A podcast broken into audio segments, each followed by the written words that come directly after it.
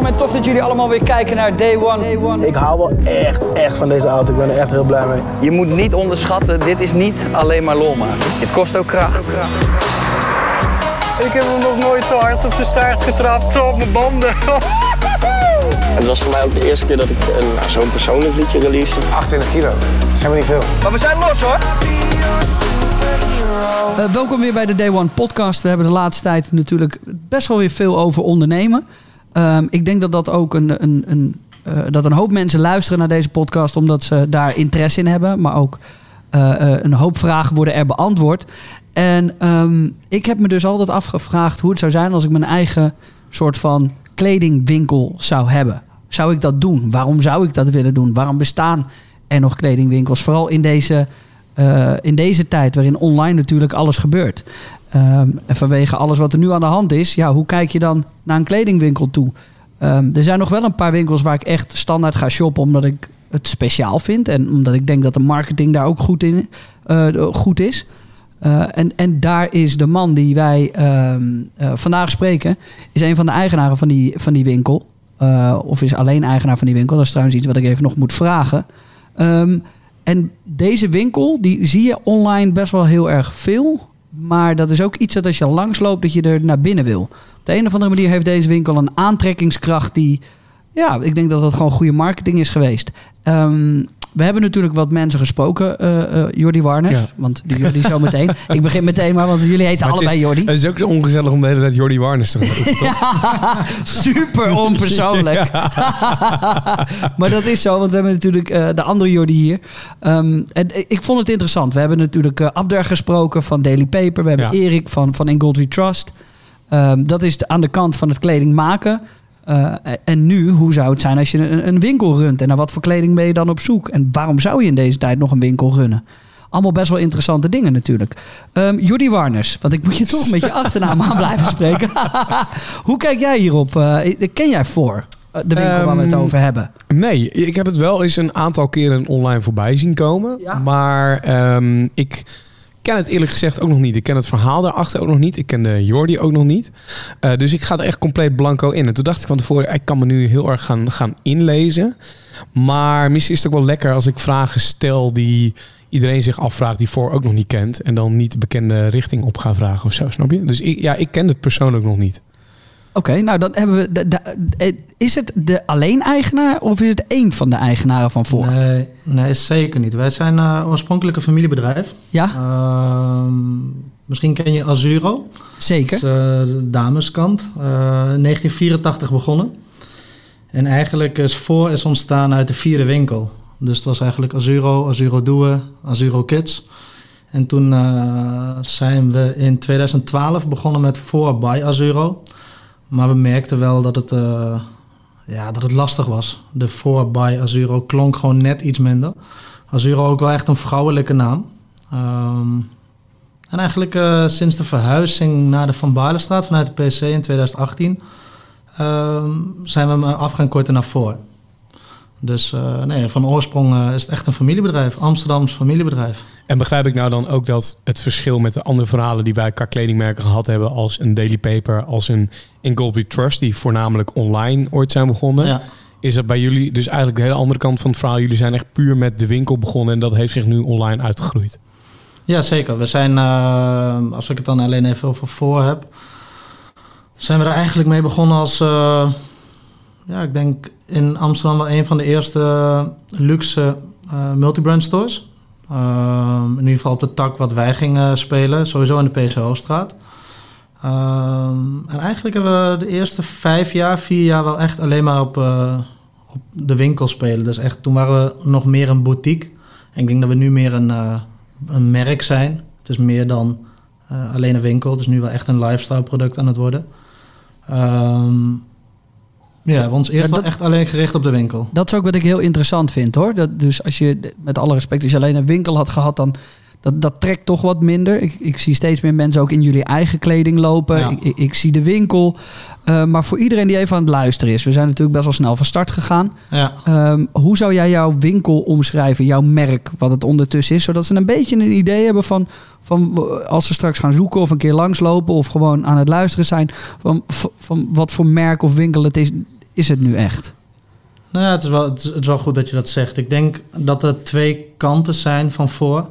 Ik denk dat wij eh, eh, voor de boutique waren in de PSO Hoofdstraat. ehm, waar we ook nog wel eens werden gezien als dure winkel.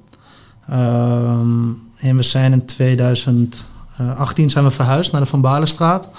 Zijn we bijna verdubbeld in, eh, in de grootte. En wat we daar echt het verschil in hebben gemaakt, we hebben er echt een huiskamergevoel van gecreëerd. Alles begaande, op de begaande vloer. Ehm, en merken zijn eigenlijk bij ons vanaf Nike tot aan Tom Ford. En eigenlijk alles wat daartussenin zit. Ehm, ja, noem wat op. Off-White, Dior. ehm, maar ook Daily Paper. Verkopen we filling pieces. Ehm, ja, dus we proberen wel echt met de winkel proberen we, een huiskamergevoel uit te stralen. We hebben een open haartje erin. We hebben een lekkere lounge set. We hebben er speciaal voor gekozen om ook een eh, DJ-boot in te bouwen in het kassasysteem. Wat? Ehm, Ja, dat klinkt ja. keihard. ja. Ja, Ja, dat is- ja man, dat is hard dat, hè? dat maakt ook wel het verschil. Dus we, we geven ook feestjes in de winkel. Uh, tot Nu niet meer, toch? 200, 250. Nee, nu helaas even niet meer. Ehm, maar we wilden dus wel echt een get-together plek. Dus het was niet alleen de winkel. Dus als ik kijk naar wat is voor nu geworden als merk. ehm, ja, voor is de winkel. Maar voor is natuurlijk nu ook een merk geworden eh, met onze eigen kledinglijn. Ehm, ik noem het bewust kleding omdat we anderhalf jaar geleden zijn we daarmee begonnen. Toen was het wel echt een merchlijn. Ehm, Wat is het verschil wij- tussen een merch en een kledinglijn?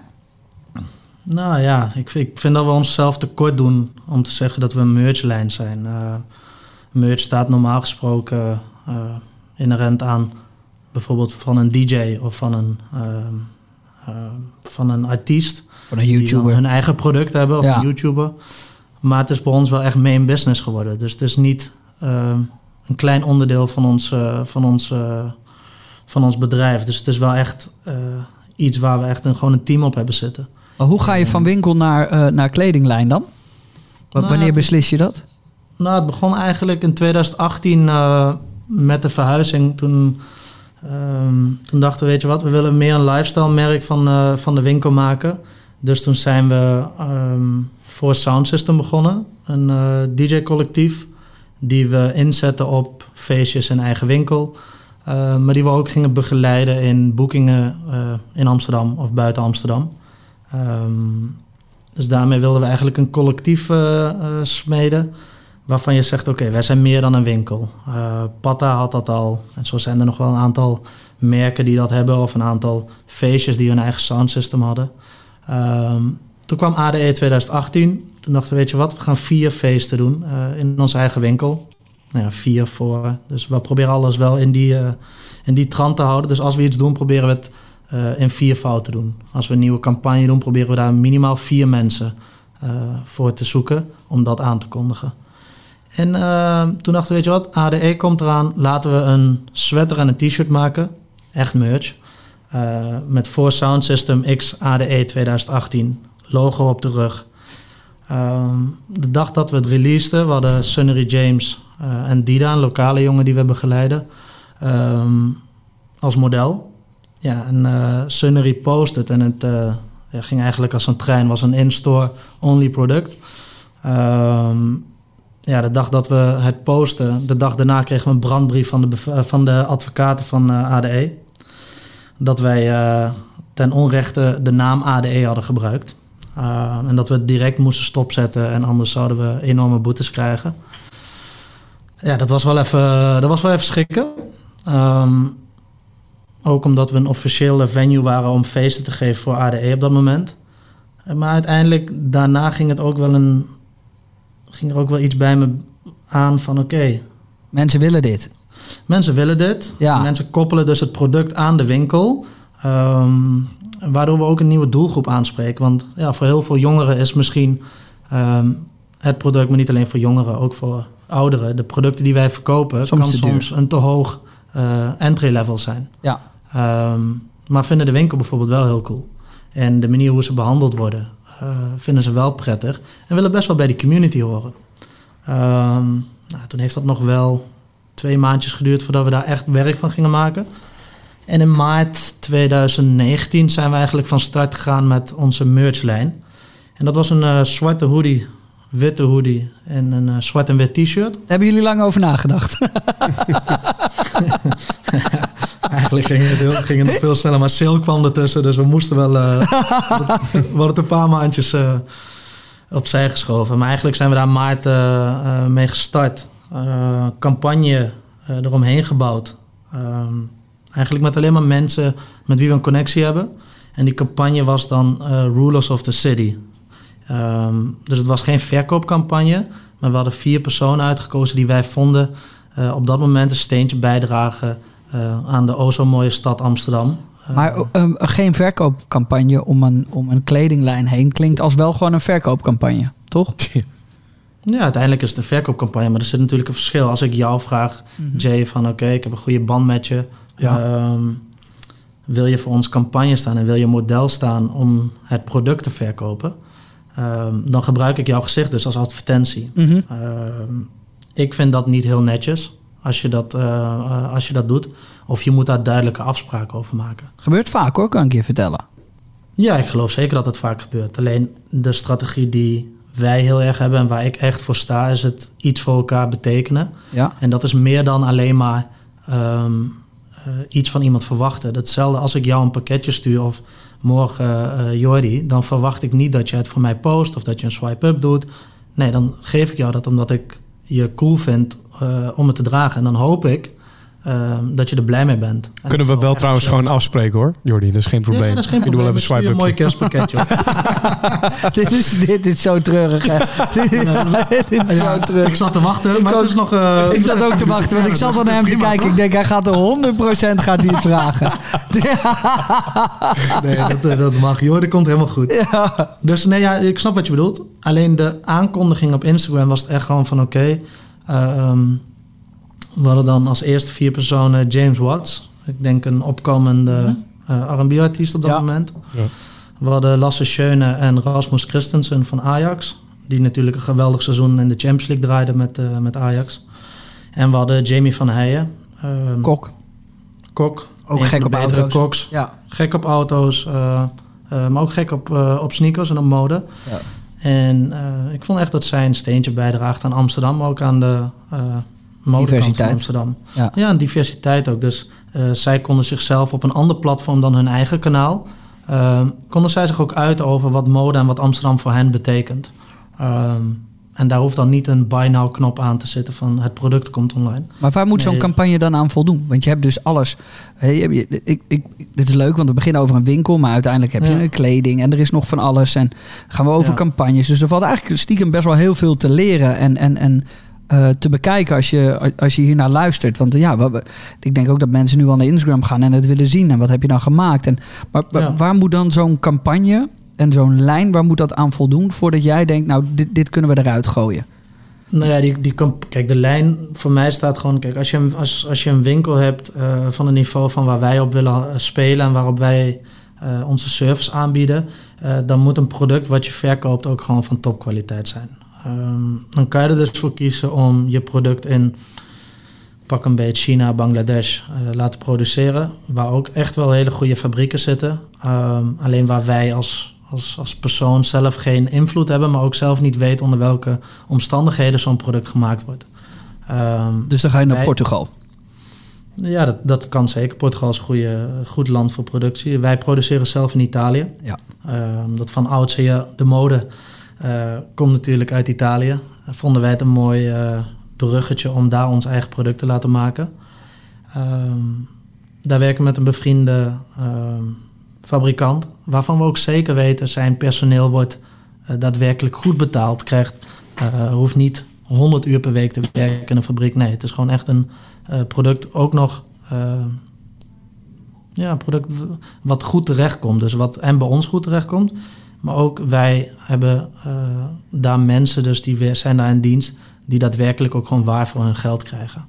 Ehm, dat vonden wij belangrijk. En heel eerlijk, dan is een, een merchlijn is nog wel snel gedaan. Want het is gewoon een trui eh, en een t-shirt die op dat moment wel echt gewoon eh, voldeed aan onze verwachtingen.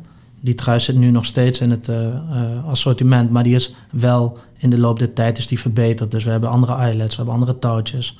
Eh, we zijn echt wel in kwaliteit gaan verbeteren. Is er een moment geweest waarop jullie misschien gedacht hebben: oké, die winkels is misschien wel een blok aan ons been. We gaan volledig online. Want Nee. we zien andere merken daar heel veel sales pakken en, en gaan daar knijterhard. Die merken die overigens nu dan ook bepalen om een winkel te gaan openen. Als winkel, ik kan me voorstellen dat je best kwetsbaar bent. Ja, alleen ik geloof wel als je uniek bent ehm, in wat je doet, dat dat op, in ons segment, wat wij doen, dat, dat, eh, dat je minder kwetsbaar bent. Ehm, ik geloof zeker als je in het middensegment zit en eh, er zijn meerdere winkels die jouw product verkopen in dezelfde stad, dat je op den duur wel eh, klappen gaat krijgen. Dus zo zie je ook dat het middensegment in de mode bijna aan het vervallen is. Je hebt vaak de Easy Buys, de, de H&M's van deze wereld, eh, de Zara's, de Bershka's, die als een trein gaan. En alles ertussenin is weggevaagd. Ja, dat is wel weggevaagd. Ja. Ja. Ik bedoel, de, de schoenenwinkels waren twintig jaar geleden booming business. Maar ja, ik denk dat er weinig schoenenwinkels nog bestaan als je niet exclusieve sneakers verkoopt. Ehm, en datzelfde geldt natuurlijk in ons segment. Ja, de bijkorf gaat als een trein. Eh, wij mogen ook zeker niet klagen. Ehm, dus ja, nee, we hebben nooit erover nagedacht om een winkel te sluiten. Of, eh, En- eigenlijk gaat het ieder jaar beter. En ook in, in de coronatijd gaan wij winkeltechnisch gaan we gewoon nog steeds heel goed. En als je dan kijkt naar, ehm, eh, dan heb je je eigen merk. Dan ga- gaat je winkel lekker. Maar er liggen ook andere merken bij jullie. Prada, Dior, eh, je zei het al, Daily Paper, Filling Pieces. Ehm, eh, gaat zo'n merk dan niet tegen je zeggen van... ja, maar jullie zijn je eigen shit aan het verkopen. Wij kappen ermee. Bij jullie. Nee, kijk, ik denk, denk ik een, eh, de grote merken niet. Liggen wij in hetzelfde straatje en zijn wij collectie aan het maken en is het dezelfde klant als Daily Paper? Ja, dat geloof ik zeker. Onze jerseywear zou hetzelfde zijn als Daily Paper. Alleen het leuke daaraan nu is, wij zien gewoon dat mensen bijvoorbeeld een trui van ons bestellen met een cargo pants van Daily Paper. Ehm, en ik denk echt dat we elkaar alleen maar versterken. Ehm, en voor Daily Paper is het natuurlijk ook een uithangbord hoe goed ze het ook doen, eh, behoren wij toch wel tot de top van de retailers. Waar het merk wat zij maken, waar zij trots op zijn, dus ook bij een retailer als voor verkocht wordt.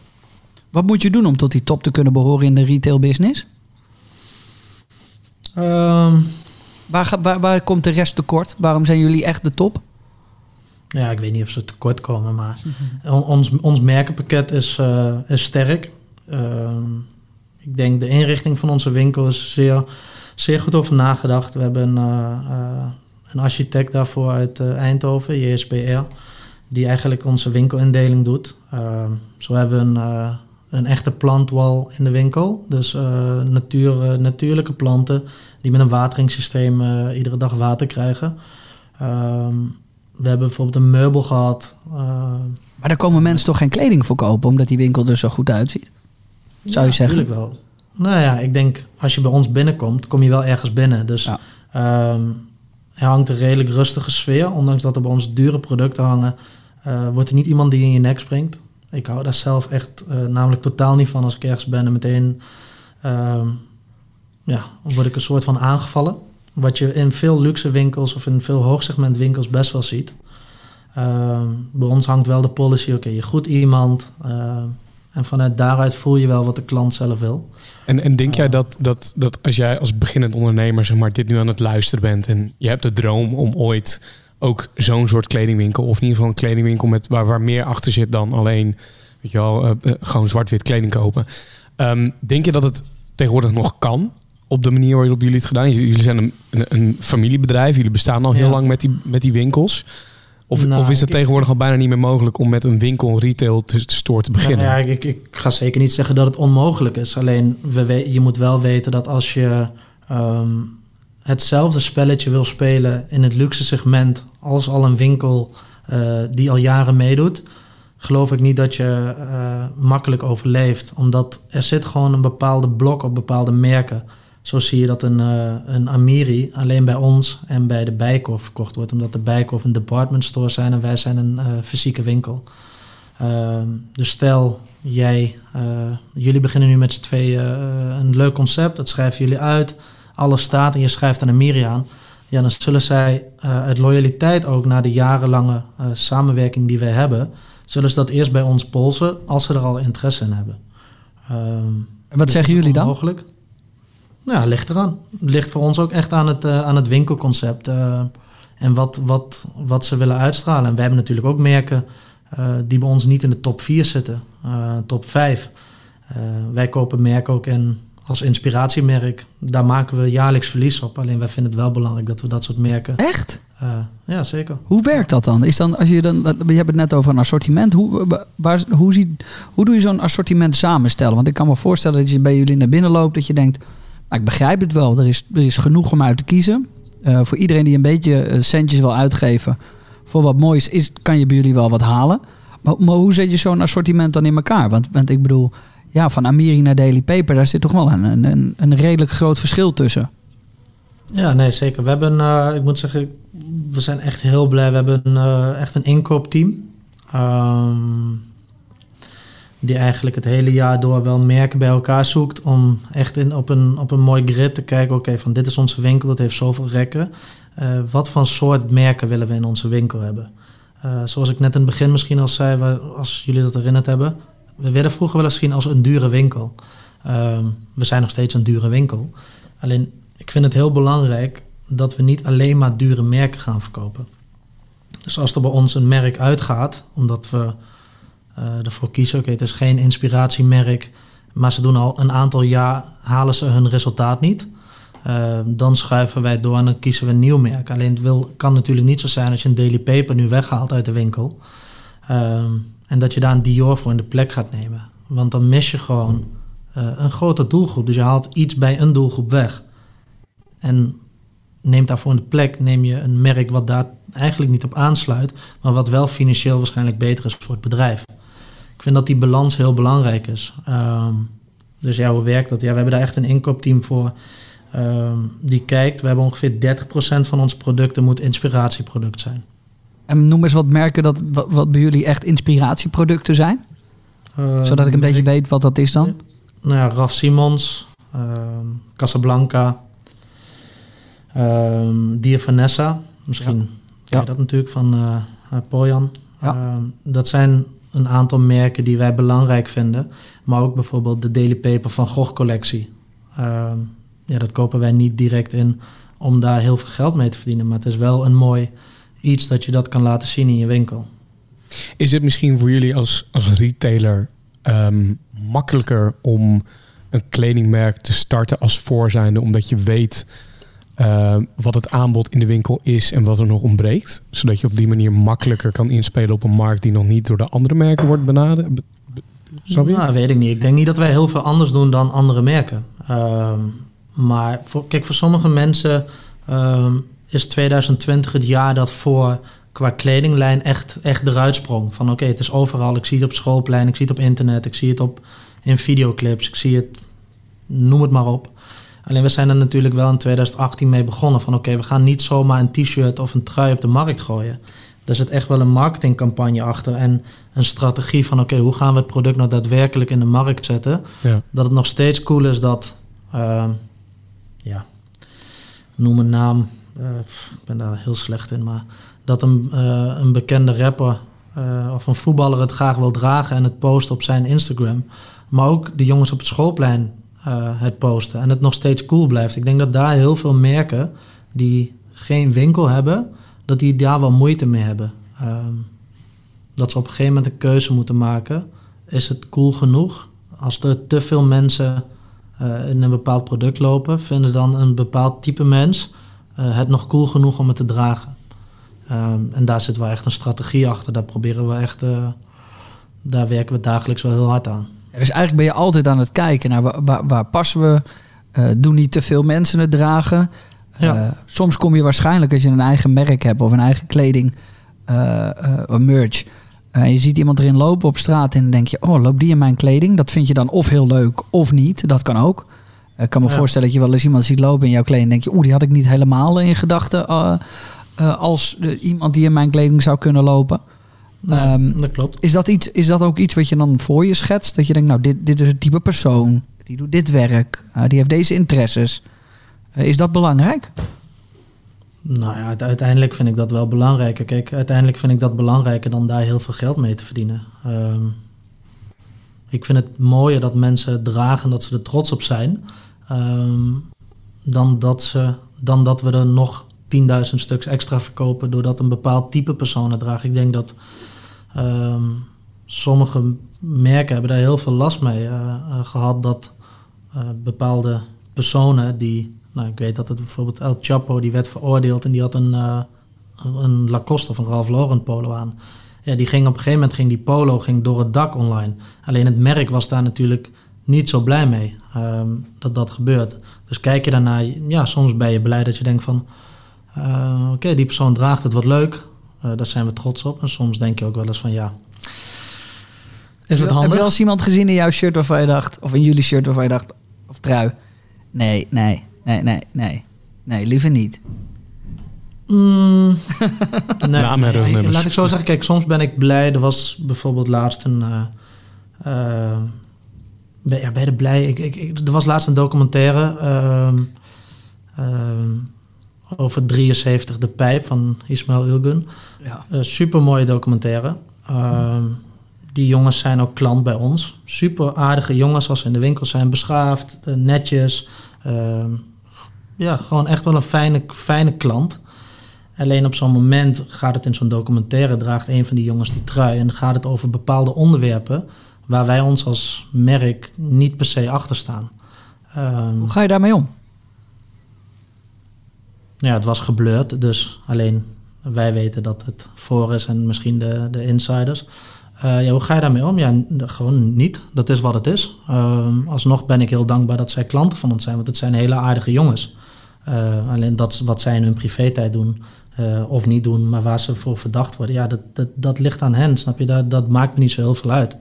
Ehm, bij ons is namelijk iedereen gelijk. We hebben Kanye West in de winkel gehad tot ja, hele grote criminelen die later worden opgepakt. Ja, iedereen krijgt dezelfde behandeling. Maar wacht even. Omdat, Wat, want Kanye West, wat is het verhaal hierachter? Is Kanye West bij voor geweest? Ja, ja, ja. je had even op Instagram moeten kijken. Lekker hoor. Ik Hey. heb het niet gezien. Nee, joh, ja, maar, nee, dan ben ik niet de enige die het niet gezien heeft. Er zijn meerdere mensen die Nee, het niet gezien hebben. die is bij ons in de winkel, ja, die is, die is bij ons in de winkel geweest. Eigenlijk eh 2018 ook. En eh, ja, dat was toch wel een eh, momentje. Laten we daarop houden. Waarom Dus, is dat eh, een moment? Ja, Gewoon even voor de mensen die denken, nou ja, waarom is dat een moment? Nee, Kanye West is wel een van de meest veelbesproken personen ter wereld. Ehm, zit zelf in de mode. Ehm, de schoen Jeezy is een van onze producten die wij verkopen, waar wij heel trots op zijn. Ehm, ja, en toch wel in mijn ogen een persoon die, als je hem gaat ontleden, best wel staat voor wat wij ook zijn. Hij is muzikant, hij is ondernemer, hij is modefanaat. Ehm, ja, hij is vader, hij, is, hij heeft een gezin, hij staat volop in de spotlights. Ehm, ja, ik vind het een heel mooi persoon. En ehm, eigenlijk doet hij echt wel hele goede dingen op modegebied. En als hij dan eh, zomaar je winkel inkomt, eh, ja, dat is wel. Er zijn veel bekende mensen bij ons over de vloer geweest, ook internationaal. Maar eh, Kanye is wel net een ander, eh, ander niveau. En hoe komt zo'n zo'n Kanye dan bij jullie in de, in de zaak terecht? Betalen jullie hem daarvoor? Of komt hij gewoon langs? Of loopt hij langs? Of is die... ik weet niet hoe dat waar werkt. dat we zoveel kunnen verdienen dat we Kanye kunnen betalen. Het zal een flinke rekening zijn. Nee, maar eh ehm, Kanye sliep in het conservatoriumhotel. Ehm, omdat hij een samenwerking had, of hij was bezig met een, met een kunstenaar uit eh, Rotterdam. En hij was toevallig in Amsterdam. En ehm, hij was een rondje aan het lopen in het Vondelpark en liep vanuit het Vondelpark terug naar het conservatoriumhotel. En keek naar binnen en zag de naam voor staan. En ergens ging er een eh, lampje bij hem branden van... Hey, dat is volgens mij een van onze eh, punten waar we Jeezy verkopen. Eh, en op dat moment kwam die binnen. En ook alleen, zonder beveiliging. Ehm, en onze marketingmanager, ik stond bij de kassa, die tikte me aan. Die zei van, Kanye is in de winkel. Dan krijg je gewoon een hartverzakking, toch? Ja, de, de grap komt nog. Eh, zijn broer was in de winkel. En eh, ik keek naar boven en ik zag zijn broer. Dus ik dacht, ja, dus ik zei nog, ja, Juan, leuke grap. Toen zei hij, nee, kijk even een stukje verder. En toen kwam hij, ja, dan eh, ben je wel even onder de indruk van, ook cool van, hé, hey, Kanye is er. Maar we hebben dan wel de policy, Kanye is op dat moment, in zijn privé-tijd, is gewoon een gast. Ja, hou even op. Eh, hou even op. Nu moet je echt met me ophouden. Er is niet... dat meen, nee, dat meen ik serieus. Ja, dat snap ik. Maar de, je, je, je benadert hem niet hetzelfde, toch? Ja, 100%. Hij werd begroet en er wordt even eh, gevraagd of hij wat wil drinken. De deur gaat ook niet voor hem dicht. Eh, er wordt ook niet gevraagd of de deur eh, dicht gaat. Er waren nog een stuk of eh, vijf, zes eh, andere klanten in de winkel. Ehm, ja, maar bij ons heerst wel een cultuur van oké, mensen worden ook niet gevraagd om op de foto te gaan. Ehm, en eigenlijk belde ik eh, Daan op. Daan is onze creative director. Dus ik zei van kan je even naar beneden komen, want kan je eens in de winkel. En eigenlijk hij geloofde het ook niet, dus hij deed eerst zijn werk afmaken en na vijf minuten kwam hij naar beneden. Ehm, ja, die, die schrok ook. En toen zei Kanye, I want those shoes in a size 12. Ehm, tegen Daan, die had eh, nieuwe Balenciaga's aan. En eh, nou, toen gingen we schoenen met hem passen. Heeft hij een colaatje gedronken. We hebben even kort gesproken over wat hij in Nederland deed. En wat hij van de winkel vond. En eh, ja, eigenlijk ging het een beetje tegen ons eh, principe in. Om toch te vragen van mogen we een fotootje met je maken. Het is wel Kanye. Dan Ja, laat je toch even die principes varen. Ja, die, die liet ik wel varen. Ja, ik dacht deze kans komt waarschijnlijk maar één keer voorbij. Ehm, ja, foto voor de winkel gemaakt. Dat was ook de enige foto die hij wilde maken. En eh, we hebben even gewacht tot hij in het hotel eh, was. Omdat we het wel zo netjes vonden dat hij even een stukje verder was. Toen hebben we hem gepost dat eh Kanye in de winkel was. Wat we normaliter ook niet echt doen. Ja, en toen stroomde de winkel eigenlijk vol met allemaal jongeren. Want we zitten een aantal scholen om ons heen. Die zich afvragen, waar is Kanye, waar is Kanye, waar is Kanye? Dus dat ja, het was wel een grappig moment. En toen is eigenlijk wel alle pers is er wel opgedoken. Van Ja, hoe gaat dat dan? Is dat gewoon, je post één foto met Kanye en dan krijg je Ja. een persaanvragen? Hoe ja, zit die is wel viral gegaan. RTL Boulevard, 's avonds, shownieuws, ehm, kranten. Ja, iedereen wilde wel weten wat deed Kanye in Nederland. En eh, waarom was hij bij jullie? En hoe was hij als persoon? En eh, ehm, ja, ik kan eigenlijk alleen maar zeggen dat het een hele ontspannen, aardige gozer was op dat moment. En hoe zit dat dan zeg maar, met, met een merk als, als Jeezy? Waar, wat, een- wat een merk is wat überhaupt in beperkte oplages wordt gereleased. Je moet daar echt je Ja. best voor doen om zo'n schoen eh, nou, te bemachtigen met een heel systeem van Adidas en dergelijke. Ehm, En spreek je hem daar dan ook over? nou ja, maar, maar hoe kan het dat dat dan wel in jullie winkel belandt? Zeg maar? Hoe ver gaan die contacten en, en hoe krijg je dat voor elkaar? En,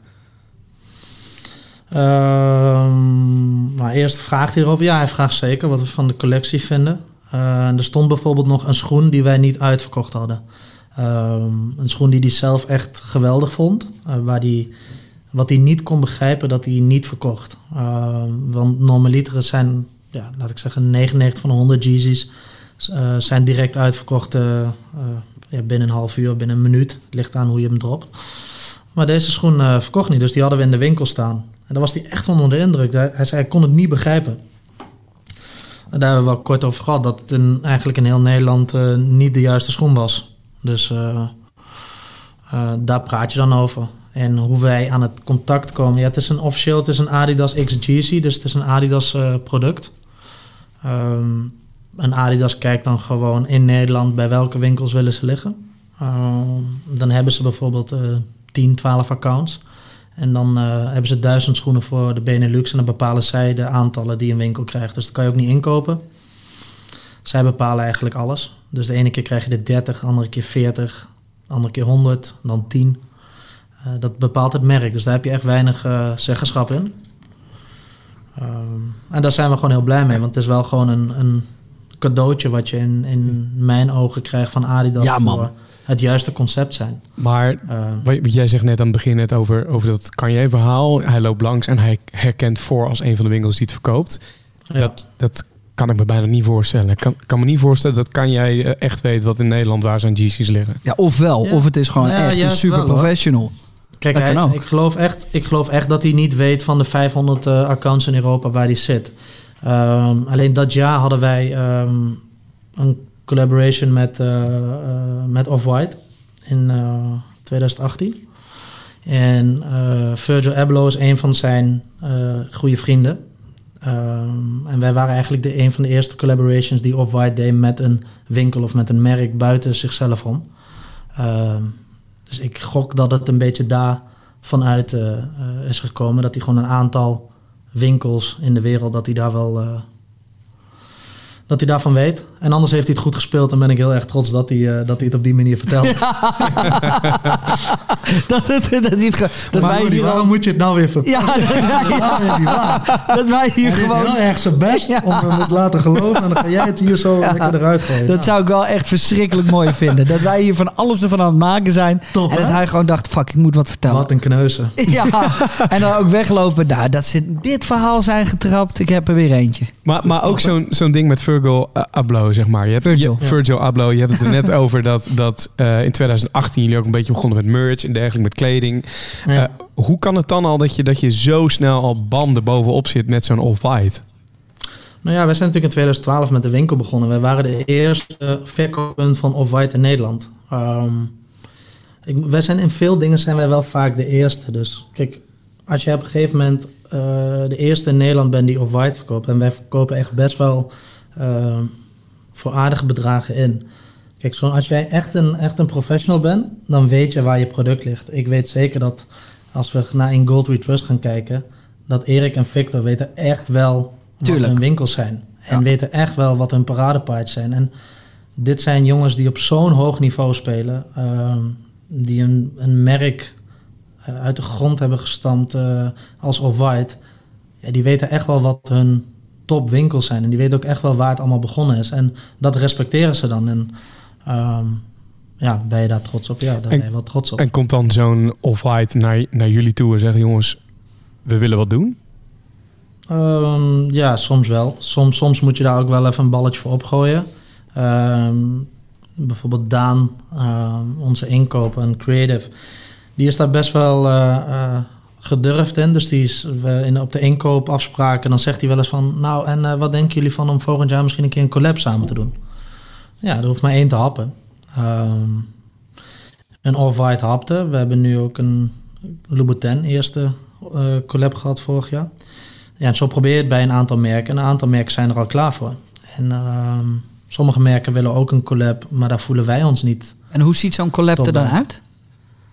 Ehm, Wat, doe je dan? Ja. Dan zeg je, nou, we willen samenwerken, weet je wel. Dan, dan, dan, dan Daan, de, ik, ik heb nu Ja. Daan al een paar keer voorbij horen komen. Dus ja, Daan betekent veel voor de zaak. Dat vind ik, vind ik vet. Maar Daan die dan zegt, ja, laten we een collab doen. En dan?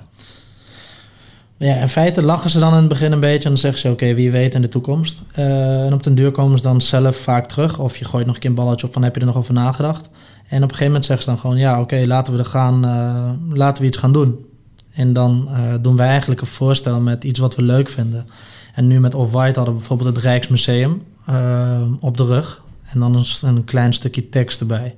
Ehm, ehm, dat was eigenlijk onze collab. Nederland, Amsterdam, eh, voor Off-White. Dus echt wel die samenwerking echt gaan zoeken.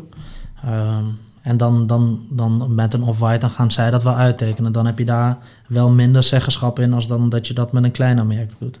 Dus zij komen dan wel met een voorstel van producten. En dan, en dan eh, wa- want het is natuurlijk, ik weet dat eh Daily Paper heeft volgens mij aangekondigd dat Ja, ze met Off-White gaan samenwerken. Ja, Eh, voor skatepark in Ghana, als ik dat, ja Ghana. Ja, ja, als ik dat goed heb.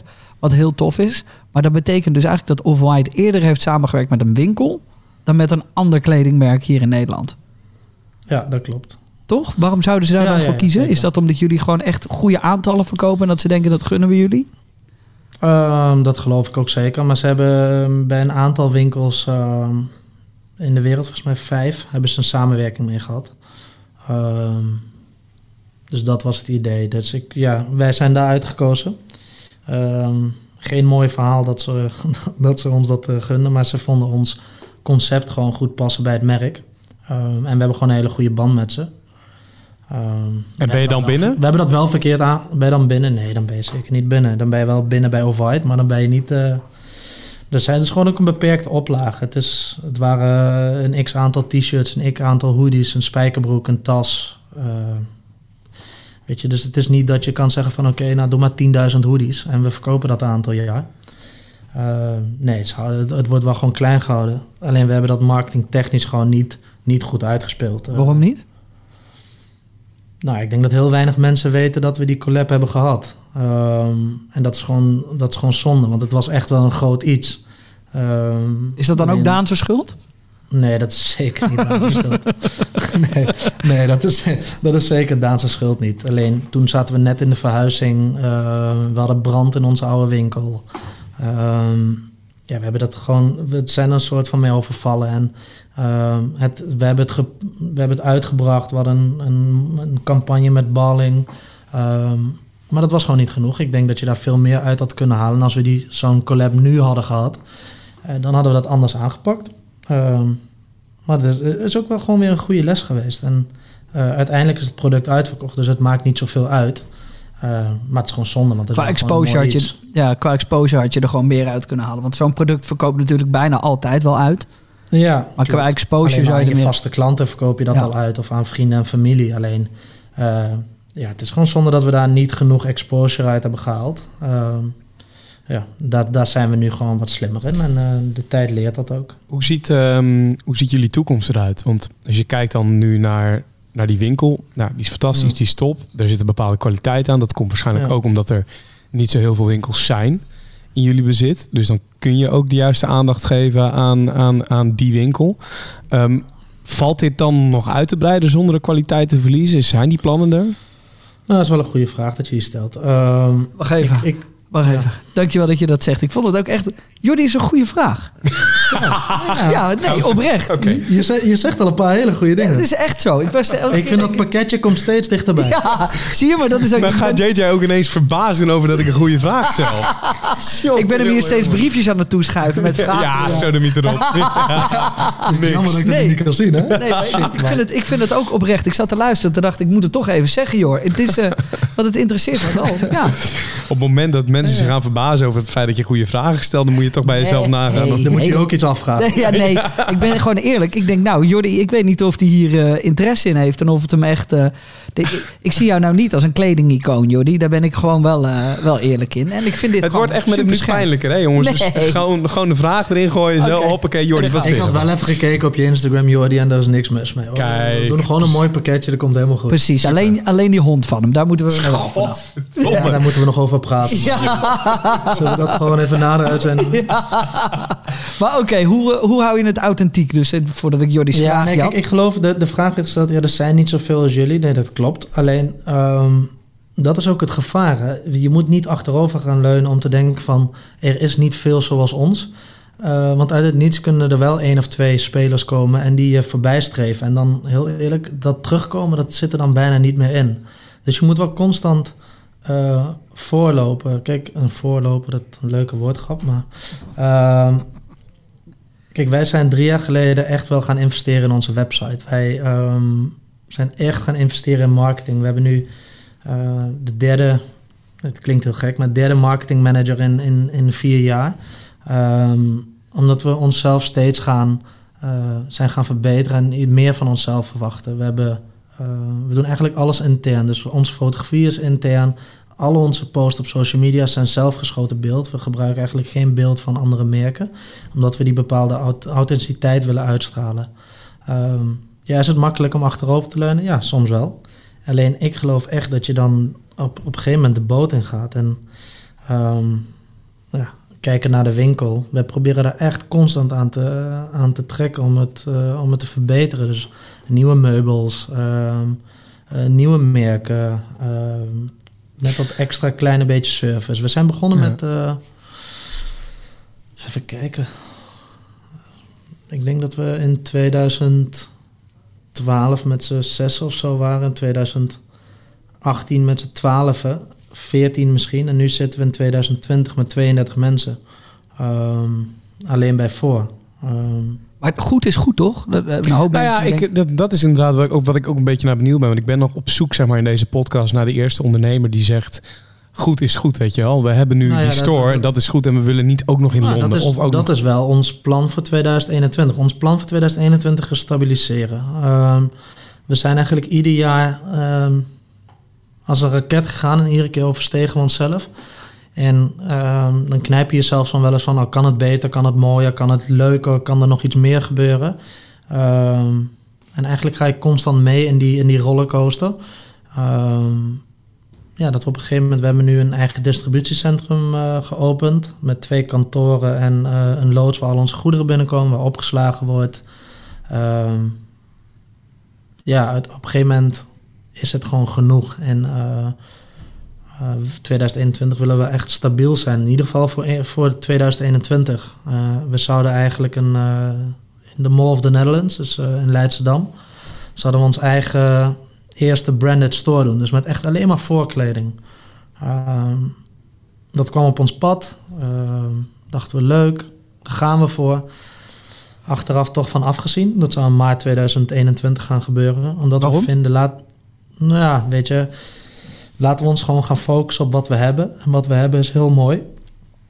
Ehm, we begeleiden een aantal DJ's, we geven feestjes, daar kunnen we het zo nog over hebben. We doen dinnerparties. eh, we hebben een winkel, we hebben een webshop die groeit, we hebben een eigen kledinglijn. Die gaan we uitbreiden, dus dat wordt echt kleding. Dus er komen spijkerbroeken bij, bodywarmers. eh, dus het wordt echt een merk. Eh, laten we ons daar alsjeblieft op focussen, want je kan jezelf op een gegeven moment niet op gaan delen.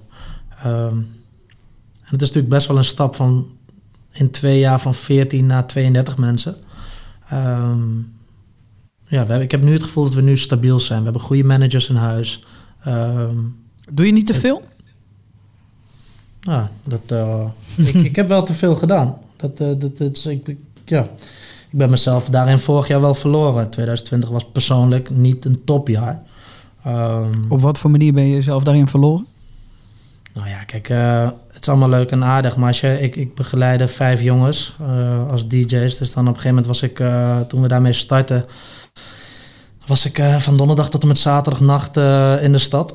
Met die jongens mee tot eh vier, vijf uur. En dan om eh, half negen zat ik in, eh, in de winkel bij de Open Haard al te werken. Dus als de mensen binnenkwamen, dan zat ik daar. Of nou een liter vodka of twee glazen op had. Ehm, ik was daar wel aanwezig. En op een gegeven moment gaat, gaat het ergens gaat het snijden. Ehm, ja, op een gegeven moment werd dat wel te veel. Ehm, daar ben ik nu pas achter. Maar in dat moment, op dat moment zie je dat niet. En ja, heb je dan een burn-out? Ja, ik denk dat ik wel een, een, een burn-out heb gehad. En dat ik wel overwerkt was. En hoe merkte je dat dan? Want ik herken dit natuurlijk uit duizenden. Dat klinkt raar, maar Ja, ik heb ook... zag dat bij jou. Ik zat de podcast te luisteren met Nicky Romero. Daar had je het ook over. Dat je ook mentaal wat moest doen. Ja, Ehm vond ik trouwens wel mooi hoe hij dat zei. Maar ja, ik, ik, ja, ik ben niet gewend zeg maar, om over dingen te praten. Dus je gaat maar door. En ehm, ja, op den duur was het thuis zeg maar niet meer leuk. Dat was wel... eh, ehm, ja, je kwam eh, thuis en je zat op je laptop. En eh, om, om half zeven was ik uit mijn bed en dan was ik al aan het mailen. Ik denk als je s'nachts opstaat om te mailen... Ehm, dat het ergens wel een teken is dat het niet helemaal goed met je gaat. en hoe heeft dat je Ah. geraakt? Nou, dat heeft me wel geraakt. Dat op een gegeven moment ging ik naar een coach toe. En ehm, ehm, dat was een, is een, is een dame die doet kundalini-therapie. Dus een, een, een meditatie-yoga-therapie. Waarin je eigenlijk tijdens bepaalde oefeningen een, een diepere band met elkaar creëert. Waardoor je twee uur lang met je ogen dicht zit in oefeningen. Alsof het hoort, alsof zij aan het praten, alsof het stemmetje gewoon in je hoofd zit. Ehm, waarin ik wel echt dingen los kon laten. En ehm, ja, over mijn jeugd of over dingen die me dwars zaten kon praten. Die ik, dat, die ik normaal gesproken niet deed. En zij legde wel een paar keer eh, de vinger op de zere plek en ook thuis. En eh, ehm, wat ik ging doen in plaats van de steun zoeken bij mijn partner, ging ik haar alleen maar meer van me afduwen. Ehm, en het niet willen inzien. Gewoon, dat is denk ik ook het gevaar van een burn-out of overwerkt zijn. Is het zelf niet willen erkennen. ehm, en schreeuwen dat het niet zo is. Goh, Dat is achteraf vaak wel een teken dat het helemaal fout zit. ik zie Jordi naar mij kijken. Dan zakt iemand door zijn kruk heen. Ja, dan gaat iemand. Het is alsof je Nee, mij... nee, ik, weet Ja. je, ik ben enorm eigenwijs. En eh, ehm, ook binnen het bedrijf zorgt er nog wel eens voor problemen. Dat als iets in mijn hoofd zit, dan zit het niet ergens anders. Ehm, maar ja, dan, dan, dan ja, niemand die mij ging overtuigen dat het slecht met me ging. Dus eh, Goh. dat, dat vluchten was gewoon, eh, was gewoon een probleem. En eh, ja, toen thuis wel echt eh, lastig. Ik ben 15 jaar met mijn vrouw samen. Maar wel in februari hebben we er een punt achter gezet. Ehm, ja, dat, is, dat was pittig. Ehm, en elkaar in augustus weer teruggevonden, gelukkig. Ehm, ja, dat, is wel, dat was wel een zware periode, zeg maar. Dus 2020 heeft me op zakelijk gebied heeft het heel goed gedaan. Alleen, eh, ja, privé was het wel even, was het even zwaar. Maar gelukkig is alles nu... eh, eh, Merk je dan dat je, dat je nu dingen echt eh, ehm, eh, consistent anders doet en anders bent gaan denken dan daarvoor? Want ik weet natuurlijk, kijk, ik, ik praat hier, jouw ervaring, Ja. wat jij net allemaal vertelt, is in principe precies hetzelfde als die van mij in 2020. Ik denk dat we op precies, even kijken, nul dingen verschillen. Ehm, Ja. Het feit alleen dat mijn vriendin niet bij me terugkomt. Ehm, wat ik ook voor het eerst ooit een keer toegeef in een podcast. Dus dat is ook heel Ja. erg leuk. Ehm, Het is knap dat je dat toegeeft. nou ja, dat is gewoon eh, feitelijk waar. Dus dan kunnen we. Ik, ik gooi dat soort dingen niet in de media. Dat hoeft ook Nee. niet. Eh, weet je wel, dat, eh, en dat i- degene die dit luisteren, die weten dat nu dan. En voor de rest zal je het mij nergens horen, horen zeggen. Maar alles wat jij zegt, dat, dat heb ik ook meegemaakt. Eh, want ik heb heel veel liefde voor mijn werk. Ik vind eigenlijk het, werk wat ik doe het allerleukste. Ik kan er echt van genieten. En ik vind het fijn. En eh, ik, ik heb gewoon echt de, de, de laatste vijf jaar gewerkt als een beest. Eh, en ik ken die nachten die jij hebt gehad. Want ik heb natuurlijk Ja. eh, ook in de muziek gewerkt, terwijl ik dit allemaal deed. Dus het is allemaal best wel cumulatief. Komt allemaal bij elkaar ergens een keertje. En, en dan ontploft de bom. En de bom hoeft niet eens in mij te ontploffen, want ik ga wel door. Eh, maar meestal om me heen ontploft de bom. En dan eh, word ik scherper en dan denk ik ineens, holy fuck. En dus dan moet ik wakker worden. Nou, in mijn geval was dat dan eh, dat mijn vriendin bij me wegging. En gewoon zei, ja, dit is hem, weet je. Dit gaan we niet veranderen, want ik zie het gewoon niet. Je bent nu al anderhalf jaar een zombie, maar je blijft maar doorgaan. En ik probeer er van alles aan te doen, maar het werkt niet. Wat ik heel goed snap ook. Ik had zelf ook weggegaan trouwens. Ehm, dus heel veel respect voor haar daar om die beslissing te nemen. Eh, maar ik merk wel dat vanaf het moment dat zij die beslissing nam, dat, ehm, eh, eh, dat ik echt wel consistent dingen ben gaan veranderen. Dat ik wel echt aan het werk ben om te kijken. Het duurt heel lang en, het, en het- ik ben er ook nog lang niet. Maar ik merk wel dat in een hoop dingen ik gewoon nu meer kan genieten en meer kan doen. En eh, ehm, ja, gewoon mezelf wat meer heb gevonden in wie ik wil zijn en wat ik doe. Dat vind ik denk ik heel belangrijk. Gewoon positieve stappen naar voren nemen. En elke dag is een procent meer. Georganiseerder leven. eh, opletten. eh, ehm, weet je wel, ik, ik, ben, ik heb één ding altijd, dat vind ik belangrijk. Eh, ik, ik doe mensen graag behandelen zoals ik zelf ook behandeld wil worden. Dus dat, dat komt er ook Ja, steeds meer in. Weet je wel, lachen naar mensen om gewoon... gewoon dat, dat was ik kwijt. Ja, ik was dat kwijt. Ik was dat echt kwijt. Daar ben ik heel eerlijk in, was dat kwijt.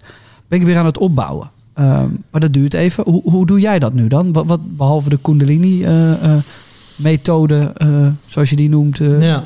hoe doe je dat nog meer?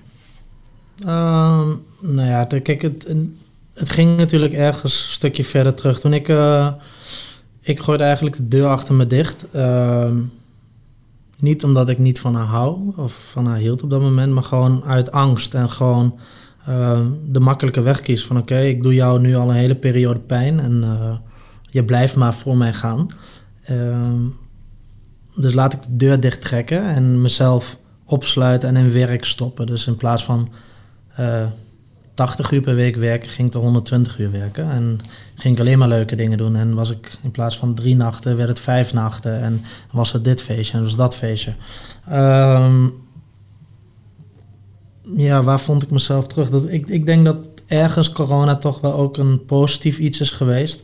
En eh, mijn vrouw en ik zeggen dat ook wel tegen elkaar van... Oh, eigenlijk zijn we toch wel happy dat corona is gebeurd. Moet je nagaan dat je een heel festivalzomer had gehad. Zeg ze, dat Oh. jij overal stond te stuiteren en eh, met iedereen lol zou hebben. Ja, dan hadden we elkaar waarschijnlijk niet teruggevonden. Dus eh, ja, dat is wel het positieve eraan.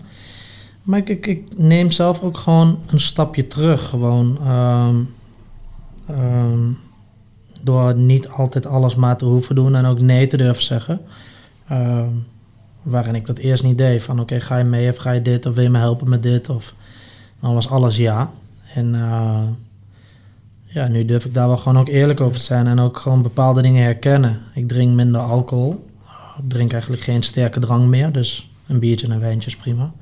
Maar ik merkte dat dat wel iets was wat bij mij niet het meest positieve naar boven haalde. Ehm, daardoor merk ik wel dat ik daardoor gelukkiger ben en ook ik sport meer. Ehm, ja, dat, dat maakt toch ook een En- bepaald stofje. Ja, in je. ik, ik denk ook wel dat dit. En, en dat, dan spreek ik ook wel voor mezelf. Zeg maar, als ik naar mij en mijn vriendin kijk. En misschien herkennen jullie het daar ook in. Is dat je zelf, je hebt een doel voor ogen toch? En daar ga je voor. En daar verlies je jezelf in. En Ja. soms is het heel moeilijk om daar je partner of iemand anders die dichtbij je staat erin te betrekken. Omdat het kost meestal meer energie om alles uit te gaan leggen. Wat er speelt. Dan het maar gewoon verzwijgen en doorgaan met je eigen carrière. en Ja, dat daarin. Zeker. Dat is wat bij mij, bij mij het verschil heeft gemaakt. Is dat ik werkte zo hard dat ik thuis kwam en niet eens meer de, de energie had om te vertellen wat ik allemaal aan het doen Nee, was. precies dat. Nee. Eigenlijk kostte alles buiten mijn werk om zoveel energie dat als ik dat nog ook zou geven, dan weet ik dat ik ergens echt onderuit was gegaan. En dan heb, je, dan, dan heb jij, Jay, ook nog iemand gehad die eigenlijk in dezelfde wereld speelde. Eh, Ik heb Ja. iemand die werkt op een basisschool. Dat vind ik super heel relaxed eigenlijk. Ne- 90% van de tijd. Want dan kom je thuis en dan gaat het een keer niet over die bubbel waar je zelf in zit. maar ja, aan de andere kant is het ook gewoon heel lastig. Omdat je wel iemand extra moet gaan uitleggen hoe iets speelt. Omdat diegene juist niet in die wereld zit. Nou ja, ik denk als het goed gaat, is dat een ideale situatie. Want dan kom je thuis en dan ben je thuis. Ja. Maar als het dus mentaal niet goed met je gaat. ehm, en je kent iemand en je zit in dezelfde business en je hebt dezelfde contacten. Dan is dat heel moeilijk om daarover te hebben. Ehm, mijn vrouw zit zelf in de media. Ehm, enorm goede zakenvrouw. Werkt kei en keihard. Ehm, alleen wij kennen elkaar al vanaf onze geboorte eigenlijk pak een beet. Dus we, weet je, je bent zo met elkaar verstrengeld geraakt. Dat op een gegeven moment ook wel moeilijk is om over bepaalde dingen te praten. En, en doordat je dat nooit hebt gedaan. En dan komt er een kritisch punt dat zij druk is. En ik druk. En overal wordt er aan je getrokken. En iedereen wil wat van je. Of in ieder geval dat gevoel heb je. Je moet jezelf ook niet eh, groter maken dan dat het is. Maar op een gegeven moment is dat een last die, die, die je voelt. Eh, in ieder geval die ik voelde. Ehm, en dan is het best wel lastig als je ook nog dezelfde contacten hebt.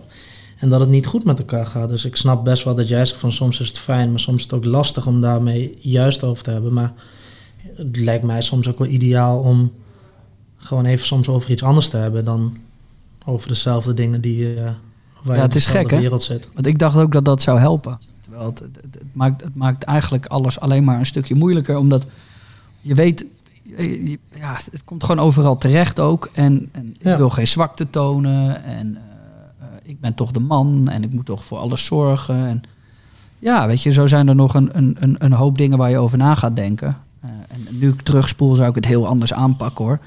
Ja, Eh, zou je het heel anders doen? ja, heel anders. Heel anders. Zeker, zeker, zeker, zeker. Maar aan de andere kant, ehm, ehm, zonder dit had ik nu ook niet zo gedacht. Weet je wel? Dus het is een beetje een visieuze cirkel waar je in terecht komt.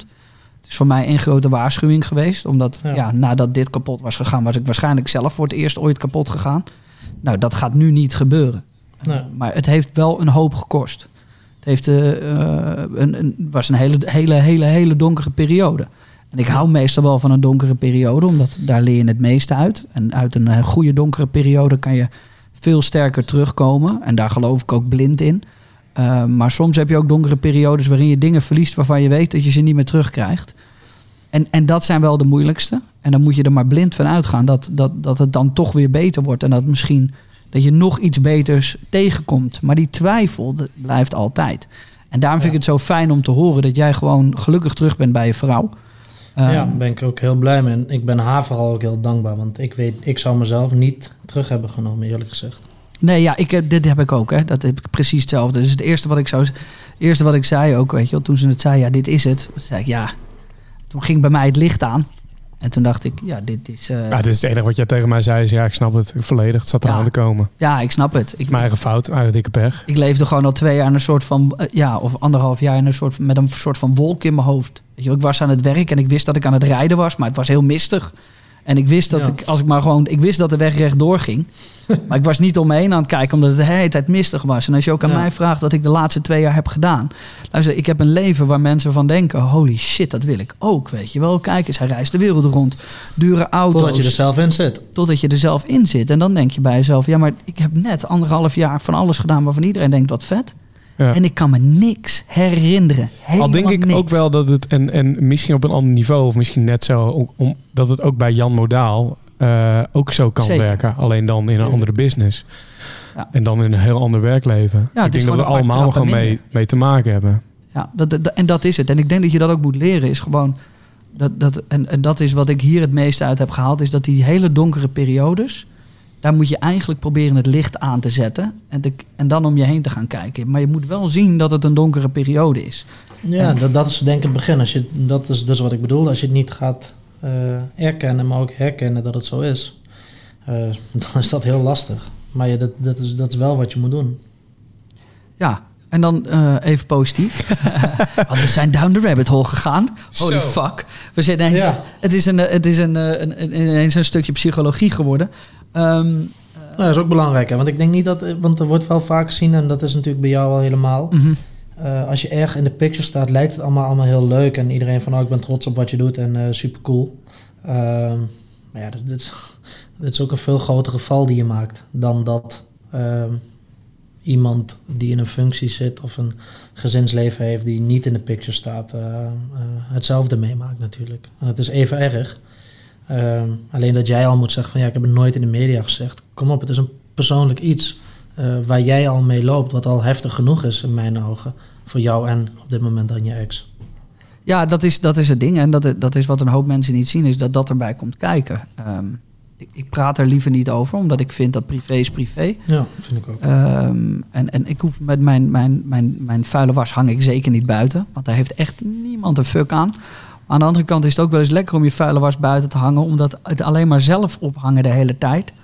En geen hulp te krijgen, omdat je denkt dat het allemaal maar kan. En ook bang bent voor hulp, omdat ja, als je hulp hebt, dan weten andere mensen het. En als andere mensen het weten, dan komen misschien weer hele andere media te En ik snap, ik snap ook zeker in jouw geval dat als jij publiekelijk een relatie met iemand hebt, waarbij je beide personen publiekelijke personen zijn, dan, dan zit je zo erg aantekenen tegen het moment dat het een keer wel naar buiten moet, misschien of zo. Of, Ja, ik schaam me vooral. Dat is het hele Ja. ding ook. Ik schaam me. Ik ben gewoon, ik schaam me voor het feit dat ik dit heb opgefokt. Weet je, daar moeten we, laten we daar, daar ben ik heel eerlijk over. Dat is ook wat ik tegen haar heb gezegd. Weet je, als wij nou uit elkaar gaan, eh, omdat we niet meer op elkaar verliefd zijn, of omdat ehm, ehm, je niet meer van mij houdt, of me niet meer geweldig vindt, maar jij bent bij mij weggegaan door iets wat ik zelf niet heb gezien of niet kon tegenhouden. Dus daar zit een bepaalde schaamte in. ehm, die ik in mijn eentje best wel kan hebben. Dus als ik hier s'avonds op de bank zit, dan kan ik hem heel goed relativeren. Maar ik hoef niet dat de hele fucking goede gemeente daar ook nog eens over na gaat denken. Want het is gewoon best wel... Ik ben nog nooit zo kwetsbaar geweest. Voor mijn gevoel. ook al heel snelle meningen. En mensen zullen, er zullen echt wel een aantal mensen zijn die je opbeurend eh, een bericht kan sturen. Maar zoveel mensen hebben zo'n kortzichtige gedachten. En dan is het maar gewoon over de balk smijten, vooral eh, online natuurlijk. Ehm, en als jij zegt van ik ben nog nooit zo kwetsbaar gevoeld. Hoe knap is eigenlijk dat je dat zegt. En dan hoop ik echt dat mensen daar gewoon respectvol mee omgaan. Ja, ja en dat is, maar dat is ook de reden waarom ik het niet op YouTube gooi en niet op Instagram ga gooien. Om, Eén, ik vind het niet nodig. En twee, de- nou, heb je nu toevallig de podcast geluisterd, dan ben je een van de weinigen die het weet. Uh, En er zal wel weer iemand komen die dit luistert, het online gooit en zegt: hé, hey, kijk eens, ik heb de primeur. Ja, nou ja, Ja, dat, is ook wel so weer, dat is ook wel weer part of the work. Uh, ja, dat geloof ik en, en dat is hoe het hoort. En, en als het niet zo is, ben ik daar heel blij om. En als het wel zo is, ben ik daar ook heel blij om, want dan hoort het zo te zijn. Maar dat zijn allemaal van die dingen, weet je wel, waar je tegenaan loopt. En, en, en, en ik, ik vind dit een hele mooie podcast uiteindelijk, omdat ehm, ja, je, je zit, zit in een hele andere business, maar je maakt precies hetzelfde mee. En dat Ja, is voor vond iedereen ik de zo. vraag net grappig van Jordi. Hij zei van, heeft Jan modaal? Ja, ik denk dat iedereen dezelfde problemen heeft. Eh, uiteindelijk zijn we allemaal Ja. mens. Ehm, alleen ja, de andere eh, gaat er anders mee om of daar hoor je niks over. Maar laten we eerlijk zijn. Hoeveel ouders zijn er gescheiden van onze leeftijd? Dus eh, Zo. ja. ik geloof dat iedereen daarmee te maken heeft. Alleen eh, vroeger was er geen social media. Dus eh, als je buurvrouw ging scheiden, dan, dan wist jij dat en de rest van de straat. Maar nu weet iedereen het. En iedereen appt elkaar. En het komt in groepjes van, oh, heb je het gehoord? Eh, die en die zijn uit elkaar. Hey, dan eh, om, om het toch nog eh, op een positieve manier eh, Ja, te eindigen. ondanks, dat het, Ja. ondanks dat het gewoon super tof is dat, wat Jay net verteld heeft. En hoe eerlijk hij is geweest en hoe eerlijk we allemaal zijn geweest. Dat vooropgesteld. Maar als we kijken naar de komende jaren van, van, van voor. ja. Wat voor, wat wil je nog? nou ja, maar wat voor toffe dingen gaan er nog aankomen? Waar kijk jij echt nu naar uit? Ehm, waar kijk ik echt naar uit? Nou, ik hoop wel echt dat het moment dat als corona ergens onder controle is, voorbij wil ik niet zeggen, maar als wat meer onder controle is, dat, het, dat er weer meer mag. Ehm, dat we weer veel meer leukere dingen kunnen gaan doen en dat we veel meer samen kunnen komen. Ehm, want op, op, op verkoopgebied, op salesgebied, geloof ik wel dat we doen wat we nu doen. En dat voor mij echt niet meer of beter. Ehm, maar ik vind vooral de, de community mis ik nu gewoon echt heel erg. Gewoon op zaterdag eh, de jeugd die gezellig langskomt. We hebben een, vaste groep jongeren die gewoon langskomt om een drankje te doen. En gewoon twee uur lang door de winkel loopt. En ehm, vragen stelt over de merken. Of de vrijdagborrels die we vaak deden. En dan uh, ja, op een gegeven moment is het 11 uur, 12 uur s avonds. En dan sta je met uh, vrienden, klanten, alles door elkaar heen. Sta je gewoon leuke dingen te doen. de feestjes die we gaven waar ik heel veel energie uit haalde. Ehm, dat je mensen gewoon echt blij ziet en dat ze denken van hey, superleuk wat jullie doen. Ehm, dat hoop ik dat we snel weer kunnen gaan doen. En verder heb ik nog wel een paar dromen die ergens in 2022 hoop ik wel. Uh, Gooi even een van je wildste dromen. Je allerwildste droom. Nou, allerwildste is een stukje verder, maar wat het dichtbij zijn is, ik zou heel graag voor café willen openen. Um, een soort van lunchroom, restaurant, gekoppeld aan, aan, aan wat wij doen. Ehm, in samenwerking met een goede chef. En dus niet het zelf doen, maar het echt samen doen. Om daar samen dan uh, iets, iets te openen. Dat is wel iets wat ik heel graag zou willen. Dat is heel vet. Heel vet. Genoeg ideeën dus. Ja, ik zou ook wel een beachclub ooit willen. Voor ja, een beachclub. Ja. ja. Lijkt me echt geweldig. Kan lachen, ja. Oh, ja, ik zou ook nog wel iets van een andere concept store of zo willen openen in Amsterdam. Maar wel echt heel iets anders doen dan wat we nu doen. Ehm, ja, dat is wel, dat is wel wat, wat ik hoop wat we gaan doen. Ehm, die plannen zijn er ook wel. Alleen, uh, ja, Rustig heeft geen haast. Precies. Ja, dat heeft geen haast. hey, vraagje. Dat heeft geen haast. Um, we hebben nog altijd aan het einde een soort van, voor de mensen die hebben geluisterd, hebben we een soort van codewoord. Ja. Heb jij een codewoord voor ons? Mag ook gewoon voor zijn hoor, whatever. Dan maak je een beetje extra reclame. Maar mag van alles zijn. Uh, kan je iets meer uitleg geven? Nou ja, wat wij doen is, als, nou ja, als iemand aan het einde tot het einde heeft geluisterd, ja. Uh, dan weten we dat je er tot het einde was. En als je dan het codewoord bij ons in de DM gooit, dan weten we ja. dat je de volledige podcast hebt geluisterd. Um, want dan ben je een held. Um, en Ja. maakt niet uit wat voor woord het is. Jij mag een, een woord verzinnen. Maakt geen reet uit wat het is. En die krijg jij dan van, in je DM van degene die uh, tot het laatst hebben geluisterd, als ze daar zin in hebben. Um, eerlijkheid. Eerlijkheid. Mooi. Dat is een hele goeie. Ja. Holy shit. Ja. Je moet nu niet gaan schrikken, hè, joh, dat je straks ineens allemaal uh, DM's krijgt met eerlijkheid. Nee, dat je nee, denkt, nee, fuck zeker. is dit? Nee, maar ik, vind dat, Ja. ik denk dat dat wel iets is. Kijk, ehm, ja, kijk jij bent eerlijk, Jordi is eerlijk. ehm, Jij bent ik eerlijk. zeg, ik ben eerlijk. ehm, maar ik, wat ik wel mis, en dat, en dat zie ik in jouw podcast of van, die, van jullie, zie ik dat heel erg, dat mensen eerlijk zijn. Ehm, als ik de podcast met Erik terug ga kijken, dan zat je heel erg te hameren van, nou, vertel even je verhaal, omdat je hem natuurlijk al heel lang kent, omdat Ja. het ook iets moois is. Ehm, hij is gewoon altijd eerlijk en ik vind hem een eerlijk persoon. Als ik die podcast met Nicky Romero, hij is eerlijk dat het hem echt aan zijn hart gaat, dat zijn hele bedrijf, voor zichzelf komt hij eruit, maar dat hij zoveel mensen in dienst heeft, waarvoor hij iedere dag wakker wordt en denkt van ja, ik hoop wel dat ik jullie salarissen gewoon kan betalen. Dan vind ik dat je gewoon eerlijk en dat hij durft zeggen, ik heb al honderden psychologen en therapeuten gehad. En dat gebeurt in heel veel podcasts, is het niet echt eerlijk. Dan gaat het heel erg zelfverheerlijking. Ehm, kijk mij en kijk hoe goed we het doen en van ons kan je leren. Ehm, maar daarin niet eerlijk en kwetsbaar kunnen zijn. En dat is wel iets eh, wat ik belangrijk vind. En dat doen jullie met z'n tweeën echt heel goed. Thank you very much. Dat is ook, wat, denk ik ook waar, eh, een stukje ondernemen. Ik denk dat dat ook belangrijk is, dat je daar eerlijk in bent naar jezelf en naar anderen toe. Ja. Omdat je alleen dan progressie kan gaan boeken of dingen eventueel zou kunnen veranderen waardoor het nog beter gaat.